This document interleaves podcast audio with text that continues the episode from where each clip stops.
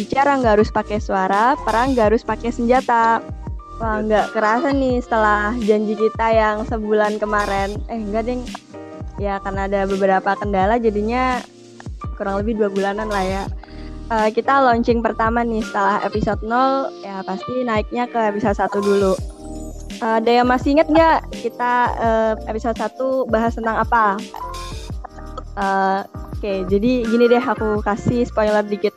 Jadi di episode 1 nih kita bakal cerita-cerita nggak tahu dikit nggak tahu banyak tentang ya pastinya tentang Persma lah ya sesuai dengan tujuan pertama kita dari podcast ini.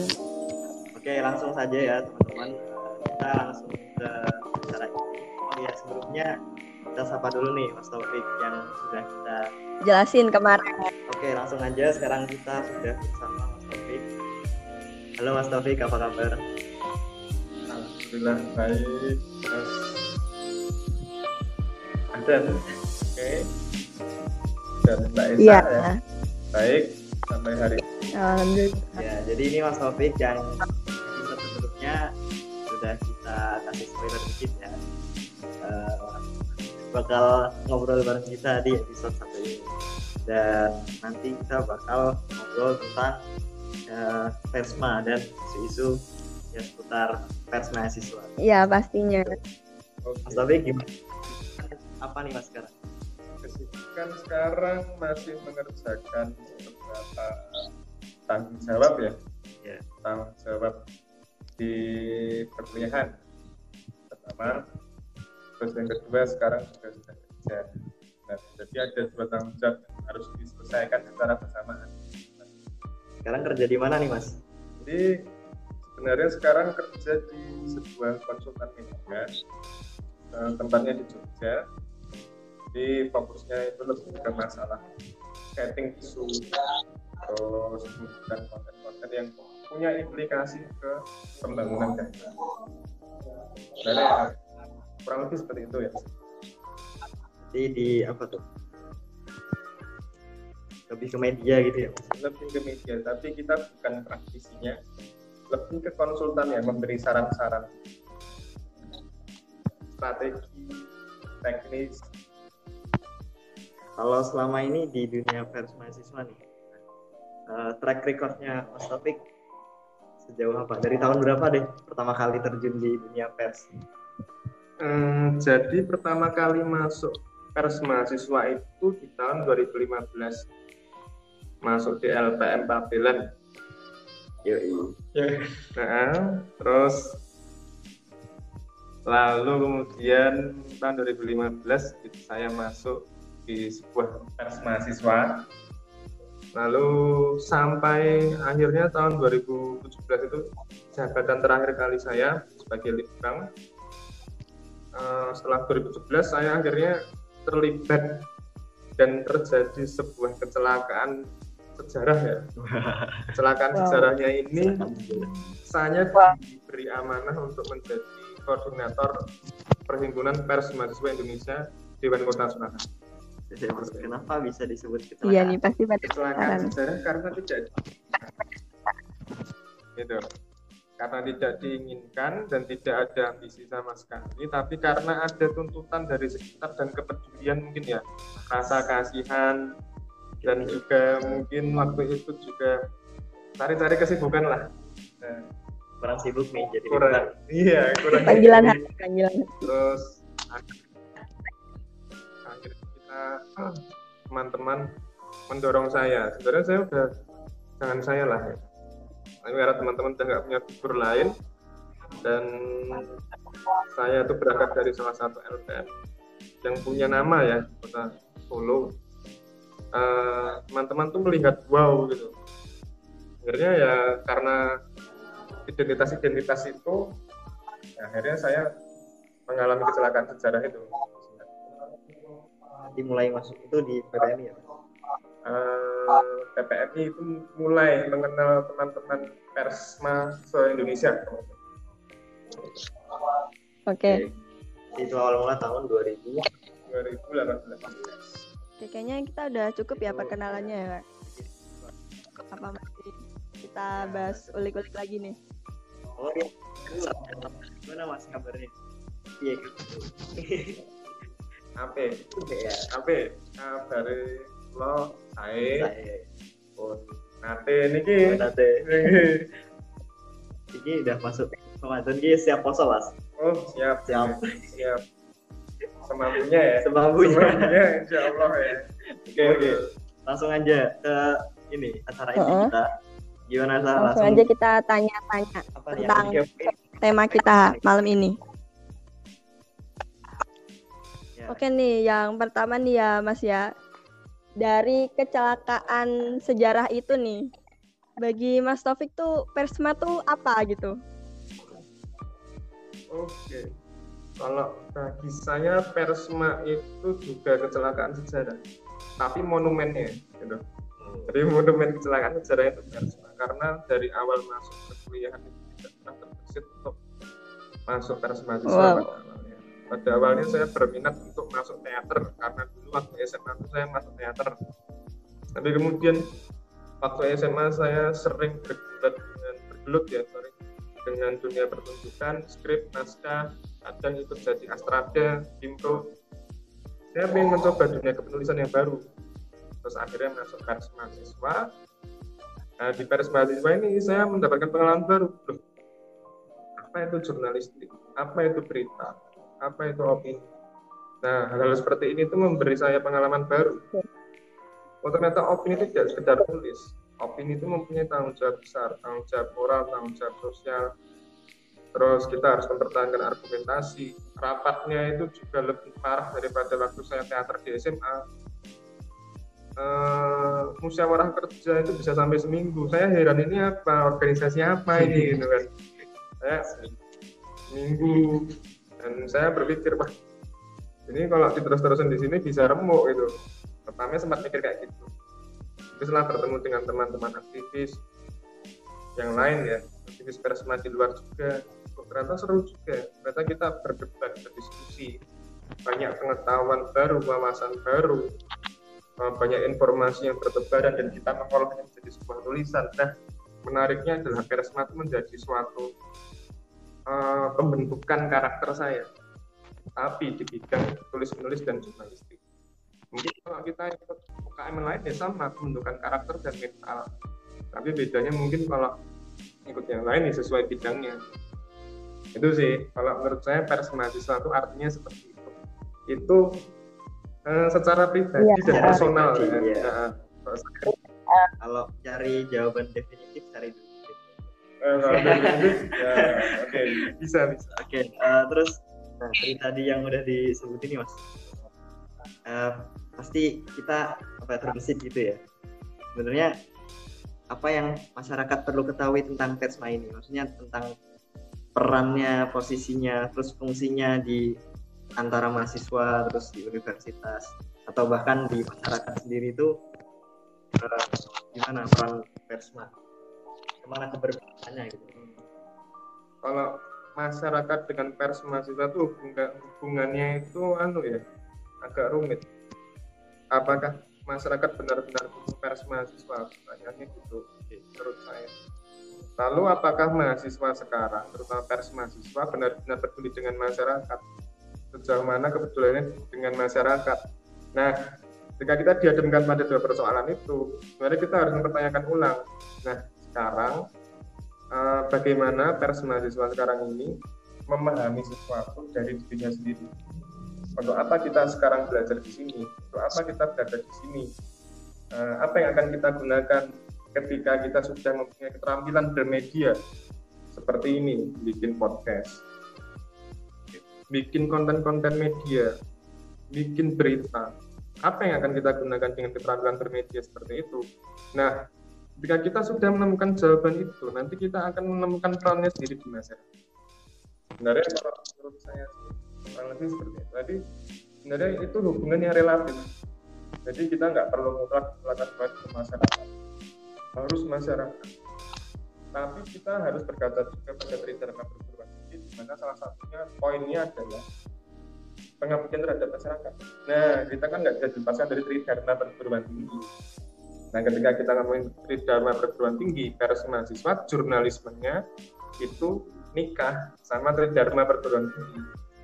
Kalau eh, mohon maaf ya, kalau pers biasa, pers arus utama itu kan nikahnya dengan kapitalisme, modal, ya akhirnya keuntungan. Tapi kalau pers mahasiswa itu nikahnya sama tridharma tinggi. Mungkin bisa agak diperjelas mas istilah nikah ini maksudnya apa gitu. Nikah itu bergandengan maksudnya antara satu gagasan dengan gagasan lain itu saling apa ya lengkap. Nah, gitu ya. gitu Saling ya. Maksudnya gitu ya. nikah, Kalau saling apa? gitu kan. Aduh salah paham. Jangan salah paham Iya, ya. jangan traveling dulu. nih. Ya, jangan, jangan baper juga ini. ya. Kalau ngomongin nikah, nanti baper. Oke. Oke, lanjut Lanjut nih nih, ya. lanjut. Kalau misalnya nih pers nih, pasti ujung-ujungnya ke isu nih ya. Jadi isu apa nih yang paling cocok diangkat oleh Persma dan alasannya kenapa gitu? Hmm. Kalau isu yang paling cocok itu sebenarnya dunia di sekitar kita. Hmm, wartawan, jurnalis itu akan bekerja sesuai dengan kaki, kakinya sendiri ke mana dia melangkah. Kalau di bukunya Sindunata itu, eh, bukunya Sindunata yang memuat semua reportasenya itu, dia ngomong Sindunata, bekas wartawan.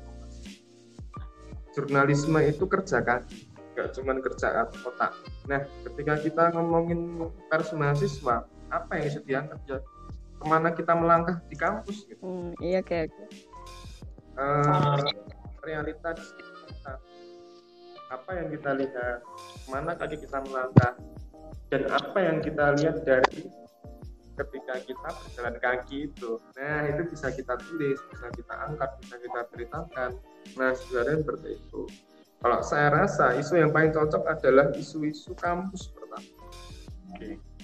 Isu-isu kampus, lalu itu prioritas utama ya. Nah, yang kedua kemudian isu-isu eh, sosial masyarakat itu bisa sosial humaniora ya berarti itu yang berkaitan dengan masyarakat itu penting Hmm. juga Hmm, soalnya kita nanti kan menjadi bagian dari masyarakat mahasiswa itu bagian dari masyarakat lah nggak usah ngomongin jauh-jauh agen perubahan. Menurutku ya nggak nanti tapi kita realitanya. Ya kita menjadi bagian dari masyarakat karena nanti teman-teman bakal hidup kos hidup dengan teman-teman di luar Persma juga. Nanti nyari kerja eh, mungkin ada juga yang nyambi kerja selain jadi jurnalis mahasiswa nah di sana ketika menjadi bagian dari masyarakat teman-teman harus memahami instingnya itu biasa bagaimana saya bisa bertahan di tengah lingkungan yang seperti ini? Hmm, Nah, ketika kita di hal-hal seperti itu, nah makanya pers mahasiswa, ketika punya keterampilan bermedia, itu bisa memanfaatkannya untuk mengolah problematika sosial, permasalahan sosial. Nah, lalu kemudian apa yang kita lihat, sensitivitas kita melihat hal seperti ini, keresahannya, misal ada apa ya, pedagang-pedagang di sekitar kampus itu ternyata tidak bisa sejahtera. Karena apa? Dililit bunga hutang dari pinjaman pinjaman bank-bank yang tidak resmi. Nah itu bisa diberitakan kesejahteraan pedagang sekitar kampus itu tidak bisa diangkat karena terjerat bunga hutang. Nah itu kan teman-teman bisa mendapatkan berita itu tentang masyarakat dari apa bergaul berinteraksi dengan eh, pedagang berinteraksi dengan kawan-kawan sehari-hari nah itu bisa diangkat bisa mendapat informasi seperti itu karena apa karena ya eh, menjadi makhluk sosial itu sebenarnya gitu nah itu prioritas kedua ya prioritas pertama tetap kampus karena teman-teman Oke. itu mahasiswa Iya sih pernah dengar dulu apa Najwa Shihab pernah bilang kalau kita kuliah itu membeli situasi apa keadaan gitu. Eh, ya udah nih lanjut nih ke pertanyaan selanjutnya nih. Kita kayak eh, apa ya, flashback dikit lah kita ngeliat sejarah. Nah, jadi pada 15 Januari nih di tahun 1994 sejumlah pers umum yang eh, bisa dibilang besar lah ya itu dibredel oleh pemerintah. Nah, sementara jadi pers umum dibredel pemerintah, sementara di dalam kampus sendiri lahir sejumlah pers mahasiswa yang mereka itu diberi angin untuk hidup gitu istilahnya. Sebagai subsistem dari sistem pendidikan tinggi. Nah, maka muncullah surat kabar. Contohnya di kampus UI itu ada Sarimba, terus ada Gelora Mahasiswa di UGM, terus Atmajaya di Unika Atmajaya, terus ada juga derap mahasiswa di IKIP Jogja dan Arena. Yang sampai sekarang namanya masih sama ya Arena. Di IAIN di apa di katanya apa sih? Yang suka? Win suka? Oh sekarang Win suka. Dulu namanya IAIN Sunan Kalijaga Jogja. Terus ada juga Air Langga di Unair Surabaya. Nah seluruh pers mahasiswa yang terbit di dalam kampus ini mendapatkan subsidi dari universitas masing-masing minimal 50% dari biaya penerbitan. Sehingga dari situlah terjadi ketergantungan pers mahasiswa pada pimpinan universitas. Ini data aku dapat dari uh, jurnal. Oh ya, ini jadi datanya aku dapat dari jurnal yang ditulis oleh Satrio Aris Munandar. Dia anggota AJI tahun 94. Nah, uh, yang pengen datanya ini, Mas. Uh, apa ya? Gimana Mas menanggapi isu ini gitu maksudnya uh, terkait ketergantungan pers mahasiswa terhadap universitas apakah kita kan jadi kayak apa ya ada dilema gitu ketergantungan maksudnya kita tuh perlu memisahkan maksudnya bukan memisahkan diri juga ya apa ya mandiri finansial lah mandiri finansial atau uh, tetap kayak gini tapi ya di dalam banyak hal kita juga uh, bakal ada intervensi dari kampus jadi kalau mau membicarakan mandiri finansial di pers mahasiswa itu dilematis. Kalau nanti teman-teman tidak uh, yusu ya, Aduh, istilahnya apa ya? apa ya?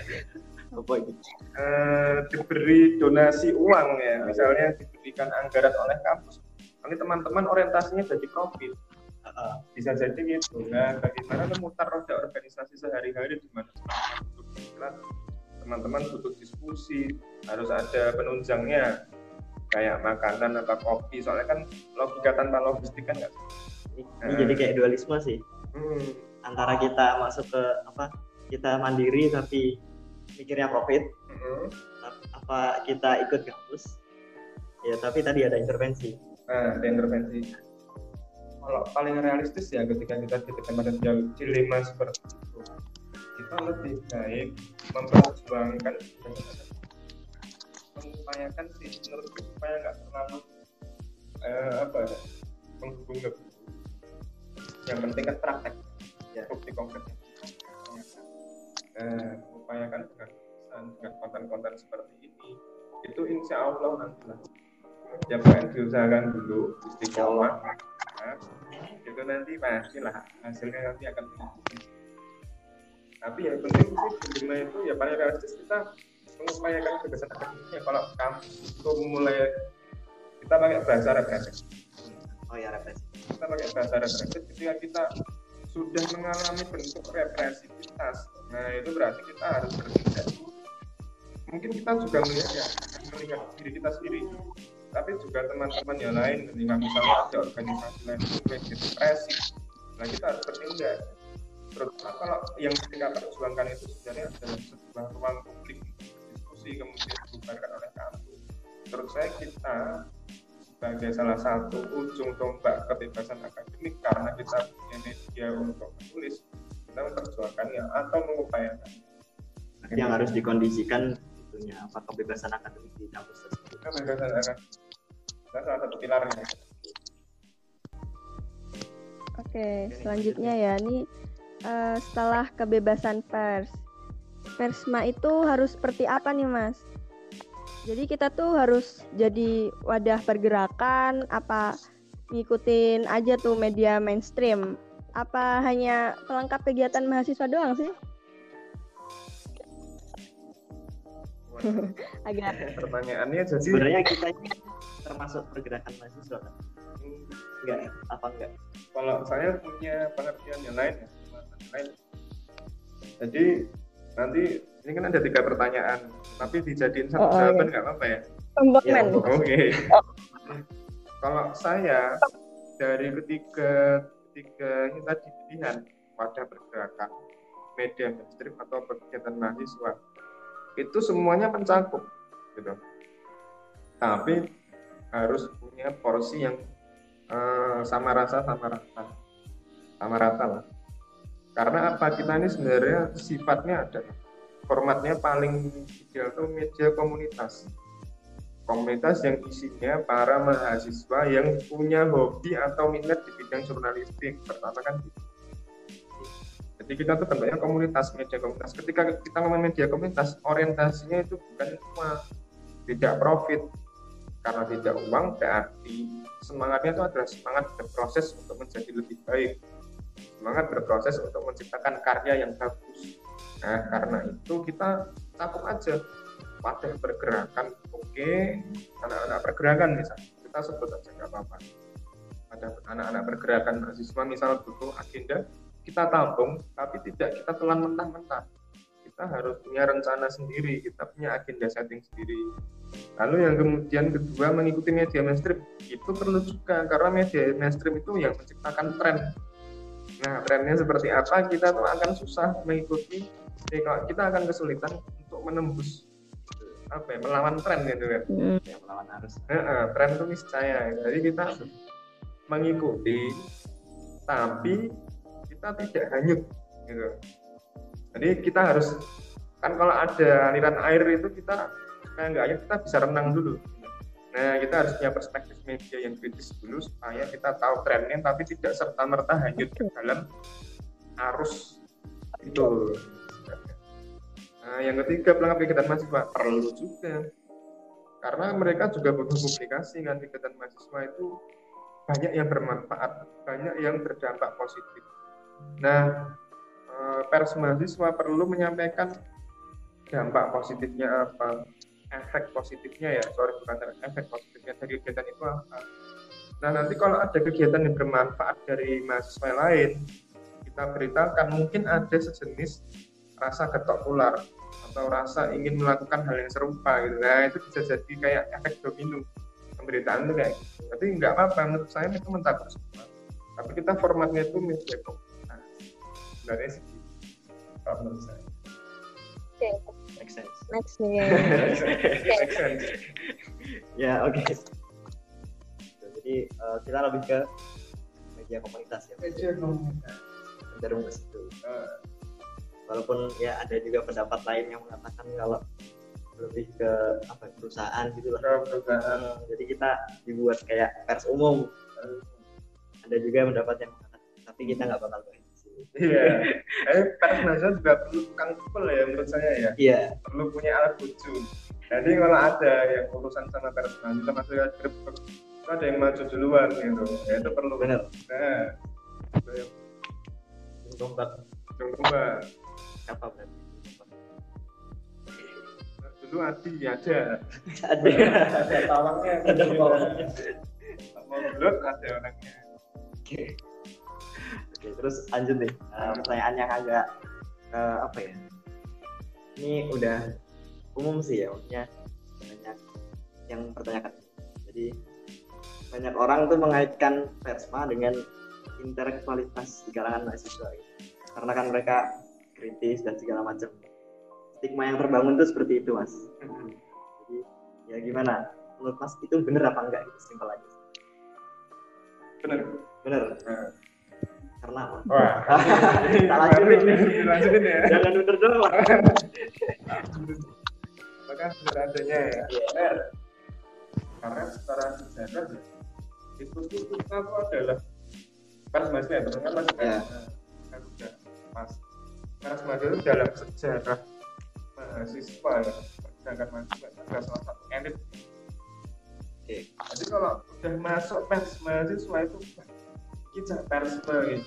Beneran ini yang bukan gimana gimana ya. Biasanya ya naksir banyak. Oh, udah masuk pers mahasiswa sama dulu. Karena terlihat terlihat mewah dan bisa menampung eh, semua agenda setting tanpa kemudian kehilangan sikap adil gitu. Nah ini sebenarnya yang menjadi apa ya rasa iri dari eh, pergerakan mahasiswa lain misalnya.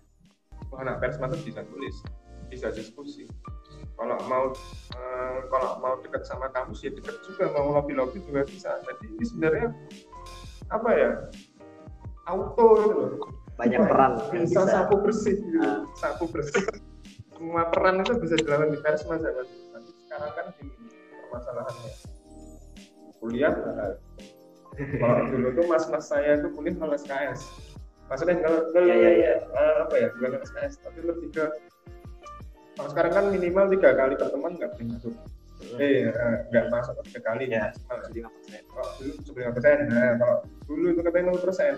Yang penting ikut ujian nah di Oh. bebas mereka kuliahnya di LPM nya nah kalau sekarang kan nggak bisa kayak gitu. Gimana? Juga. tertarik kembali ke masa lalu? Wah. Kalau balik ke masa lalu. Tren yang ada sekarang. Kita lihat wah itu Yes. sekali makanya tapi menariknya ketika kita ngomongin masa lalu tuh kayak kita membayangkan loh ya? Apakah aku bisa lulus tahun gitu.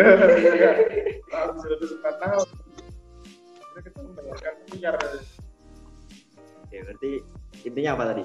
Benar ya? Benar Intinya oke. benar. tapi kalau sekarang lebih ke arah jurnalis produksi kontennya. Tapi ya eh, itu belum bisa dilepaskan sih. Eh, asosiasi intelektual dengan pers mahasiswa itu belum bisa dilepaskan ya karena itu warisan sejarah.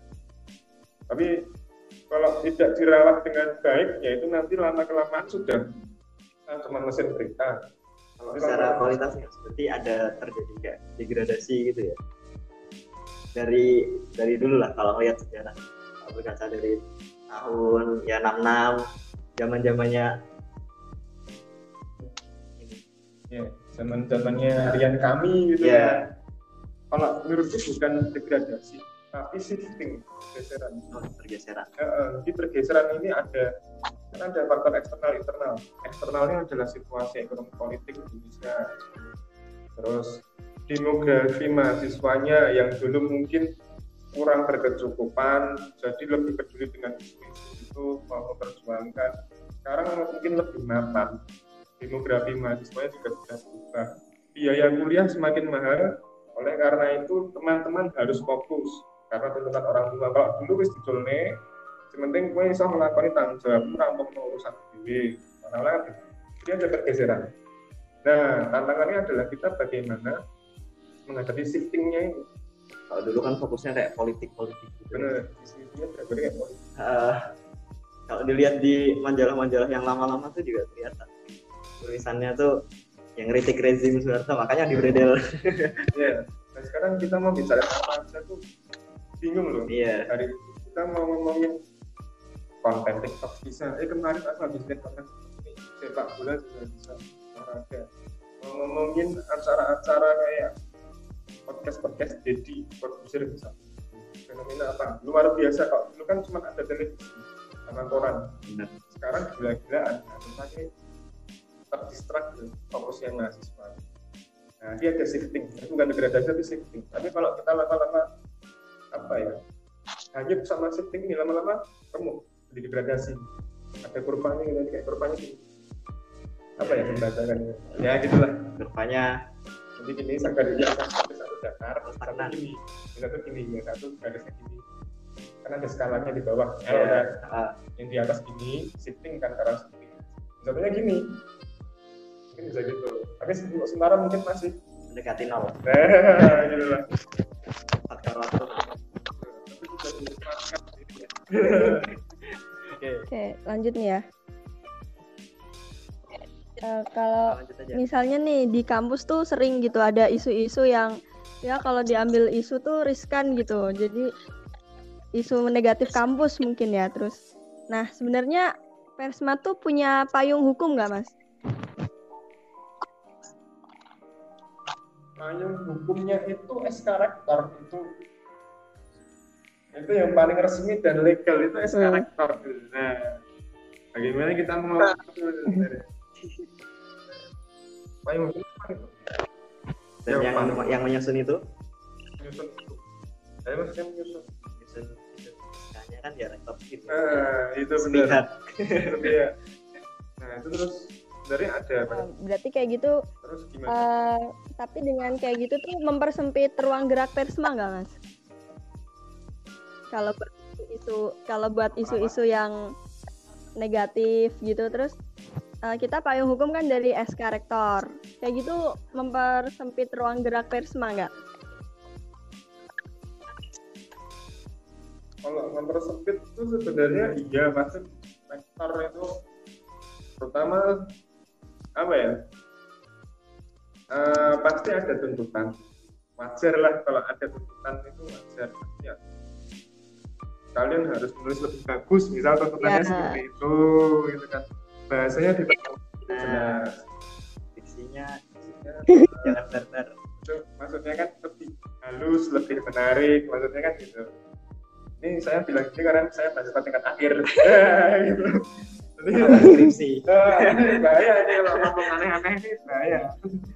Jadi kan ditutup untuk tulisannya lebih bagus karyanya lebih kreatif tuntutan itu pasti ada.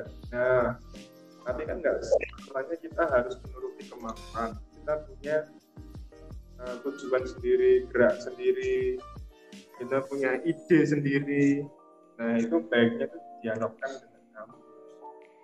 Jadi emang perlunya anak pers itu cuma pinter tulis tapi harus juga pinter ngomong. Tapi ngomongnya itu untuk apa ya? Dialog dengan pejabat kampus supaya bisa di titik temu titik temu keinginan kampus. Nah kita jadi kita main dengan dua kaki di atas. Itu bukan salah karena kita mempertahankan eksistensi itu perlu. Tapi kalau mengangkat isu-isu yang riskan itu penting berani dulu sih. Nggak masalah. Yang penting berani dulu nanti perkara gimana gimana nanti pasti ada dukungan nah itu nanti hukum malamnya gitu lah saya lihat tuh. Iya, iya. mahasiswa. selama apa yang diangkat itu fakta lah Nah, minimal fakta lah jadi kita kalau pas ikram itu dulu bilangnya kita tuh uh, mencari kebenaran bukan mencari masalah. Oke eh, terus melihat perkembangan zaman yang udah serba digital menurut Mas Taufik gimana apa ya relevansi media cetak sekarang. Ini yang paling menarik saya kemarin itu menghabis misi di salah satu agendanya anak pergerakan di sana ngomongin itu di sini aku bilang bahwa zaman sekarang zaman serba daring zaman serba pilihan informasi itu semua orang bisa bikin tulisan ada konsep jurnalisme warga juga eh, di mana orang yang bukan jurnalis bisa bikin berita Nah, terus kemudian semua orang bisa belajar ikut kelas menulis online misal. Terus habis itu seminggu bisa bikin tulisan, dikirim nggak lewat pers mahasiswa bisa. Sedangkan dulu tahun 98 misal aktivis-aktivis bahkan pegiat budaya, pegiat kebudayaan, pengamat politik itu ada yang nulis di pers mahasiswa kelasnya itu kenapa kita jadi elit dulu. Nah tapi sekarang mungkin elitisme kita sebagai tempat output dari gagasan, opini, agenda setting sudah mulai jadi pergeseran dan gradasi tapi shiftingnya. Shifting lagi di sini. Kita eh, mengalami pergeseran semua orang bisa bikin media, semua orang bisa bikin tulisan tingkat pendidikan dan konsumsi informasi semakin luar biasa nah ini kemudian kita berpacu dengan itu. Berpacu dengan gambar. Bagaimana kita bisa menyesuaikan itu? Tantangannya sebenarnya di situ mas. Gimana? berarti pandemi ini apa sih? Jadi momentum gitu. Om- kalau misal ya tadi pers-pers yang masih basisnya cetak buat pindah ke online tuh gimana? Sebenarnya gini kita jujur aku media sosial punya semua. Friendster ada, MySpace ada, lawas ya. Pet ada, orang-orang lawas. Twitter juga, lawas ya, MCP pun juga ada. Yahoo Messenger. Eh, Yahoo Messenger, terus Twitter, Instagram, Facebook. Saya paling aktif itu pakai Facebook. Dan di Facebook itu penulis-penulis pada mendisplay tulisan. Nah nanti ketika display di lini masa Facebook baru dimasukin ke media jadi mereka nggak harus sekarang tuh orang nggak harus takut kan dicetak dikirim ke media masa atau apa malah dia display siapa yang mau ambil ambil. Di redaktor tuh kayak memantau di masa Facebook nah ketika berita pun bisa ditulis di media sosial di Facebook, Twitter, Instagram terus pers mahasiswa sekarang mau ngapain mau ngapa apa gitu terus Iya. nah itu nah pertanyaannya susahnya di sana sekarang bahkan dulu ada pergerakan mahasiswa anak aktivis lah kita ngomongnya lebih general ya. Anak aktivis kalau mau nulis dulu ya pers mahasiswa dulu. Misal nulis di LPM Pabilan nih ya. Iya. nah nulis di LPM Pabilan dulu baru jadi wah benar-benar aktivis kok. Nulis di LPM Pabilan Pinya ada. ada. Cetak baca nah sekarang terus di kan misalnya ya terus nulis langsung nih mojok gitu. terus langsung di ini bisa apa yang di Alhamdulillah. misal mungkin ada yang berpikir seperti itu nah itu pekerjaan rumah kita nah sebenarnya tantangannya berpacu dengan waktu itu mau tapi berpacu tuh nggak harus ngikutin ya kita bisa kayak mengontrol tempo gitu. Kontrol tempo mematangkan ide nanti musuhnya itu tergantung kita kita ya Oke. Next aja. Nih kalau ngomong-ngomong tentang pers juga nih, kenapa nih pers tuh harus tetap eksis gitu mas? Terus ke mana sih arah geraknya Persma tuh ke depan tuh mau ke mana gitu dalam mengawal isu-isu internal kampus maupun isu nasional?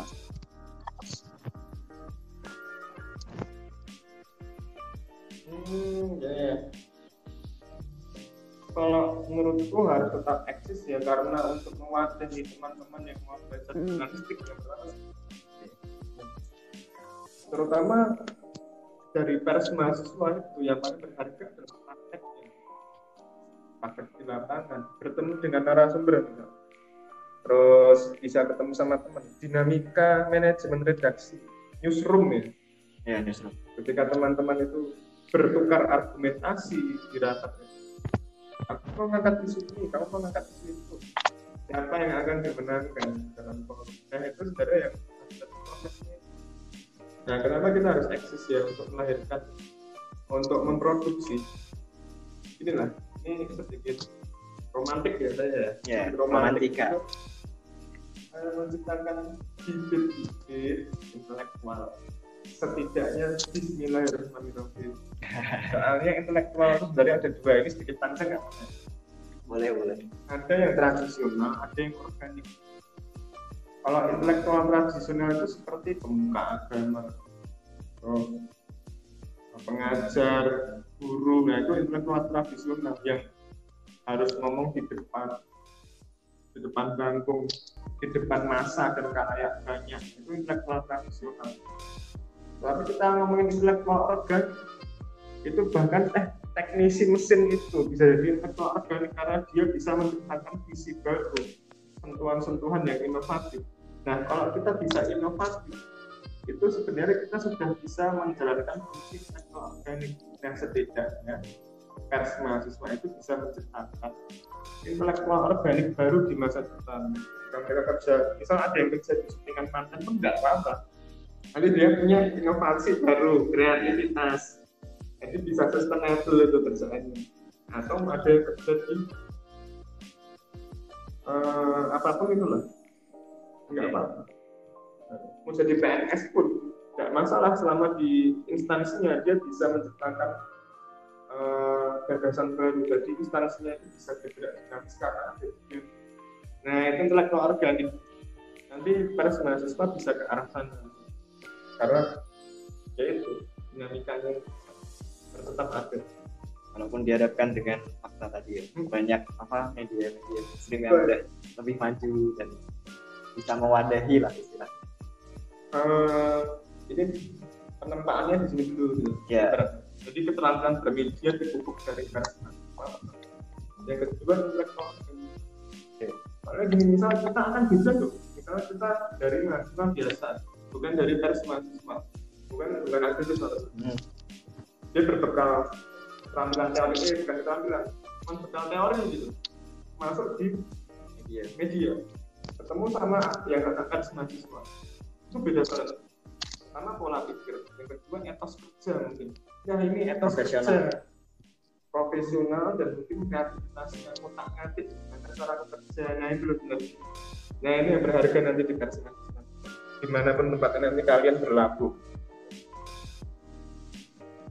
ini Ya Gimana udah, nih, dilanjut. Ada tanggapan apa? Oke, coba. Oh, cukup ini terakhir nih. oke Oke, terakhir nih, Mas. Apa ya? Hal apa yang perlu dimiliki lah oleh teman-teman pegiat Persma? Pesan aja lah, pesan buat teman-teman Persma se-Indonesia apa? jangan cuma berpikir Oke. tapi juga berintuisi. Kita harus punya intuisi jadi jangan hanya berpikir apa yang bisa aku kerjakan sekarang tapi apakah aku bisa melakukan itu dengan waktu yang jangka panjang?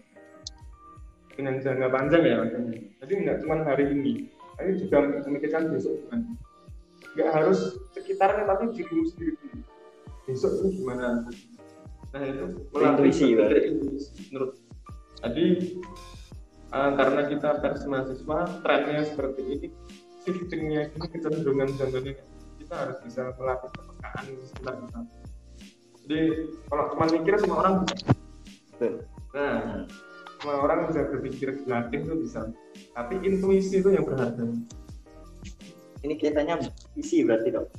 Bener kan isi Isi tapi jangka panjang banget ya kalau isi ya. nanti bener Jadi kalau itu kita bisa nggak bertahan di jalur itu dengan cara apa Di jalur itu dalam situasi itu. dengan Gitu. situasi itu kita bisa melihat situasi ini kita akan berpihak pada yang mana gitu struggling serta ya itu juga butuh sensitivitas dan, dan gitu jadi teman-teman pesannya jangan cuma berpikir tapi harus apa? Kita Berintuisi juga. Berintuisi juga. Oke, kalau gitu eh, cukup segini dulu aja buat episode kali Yoi. episode 1. Gimana? tapi Boleh, boleh, boleh banget dong. Oh, boleh boleh banget, Mas.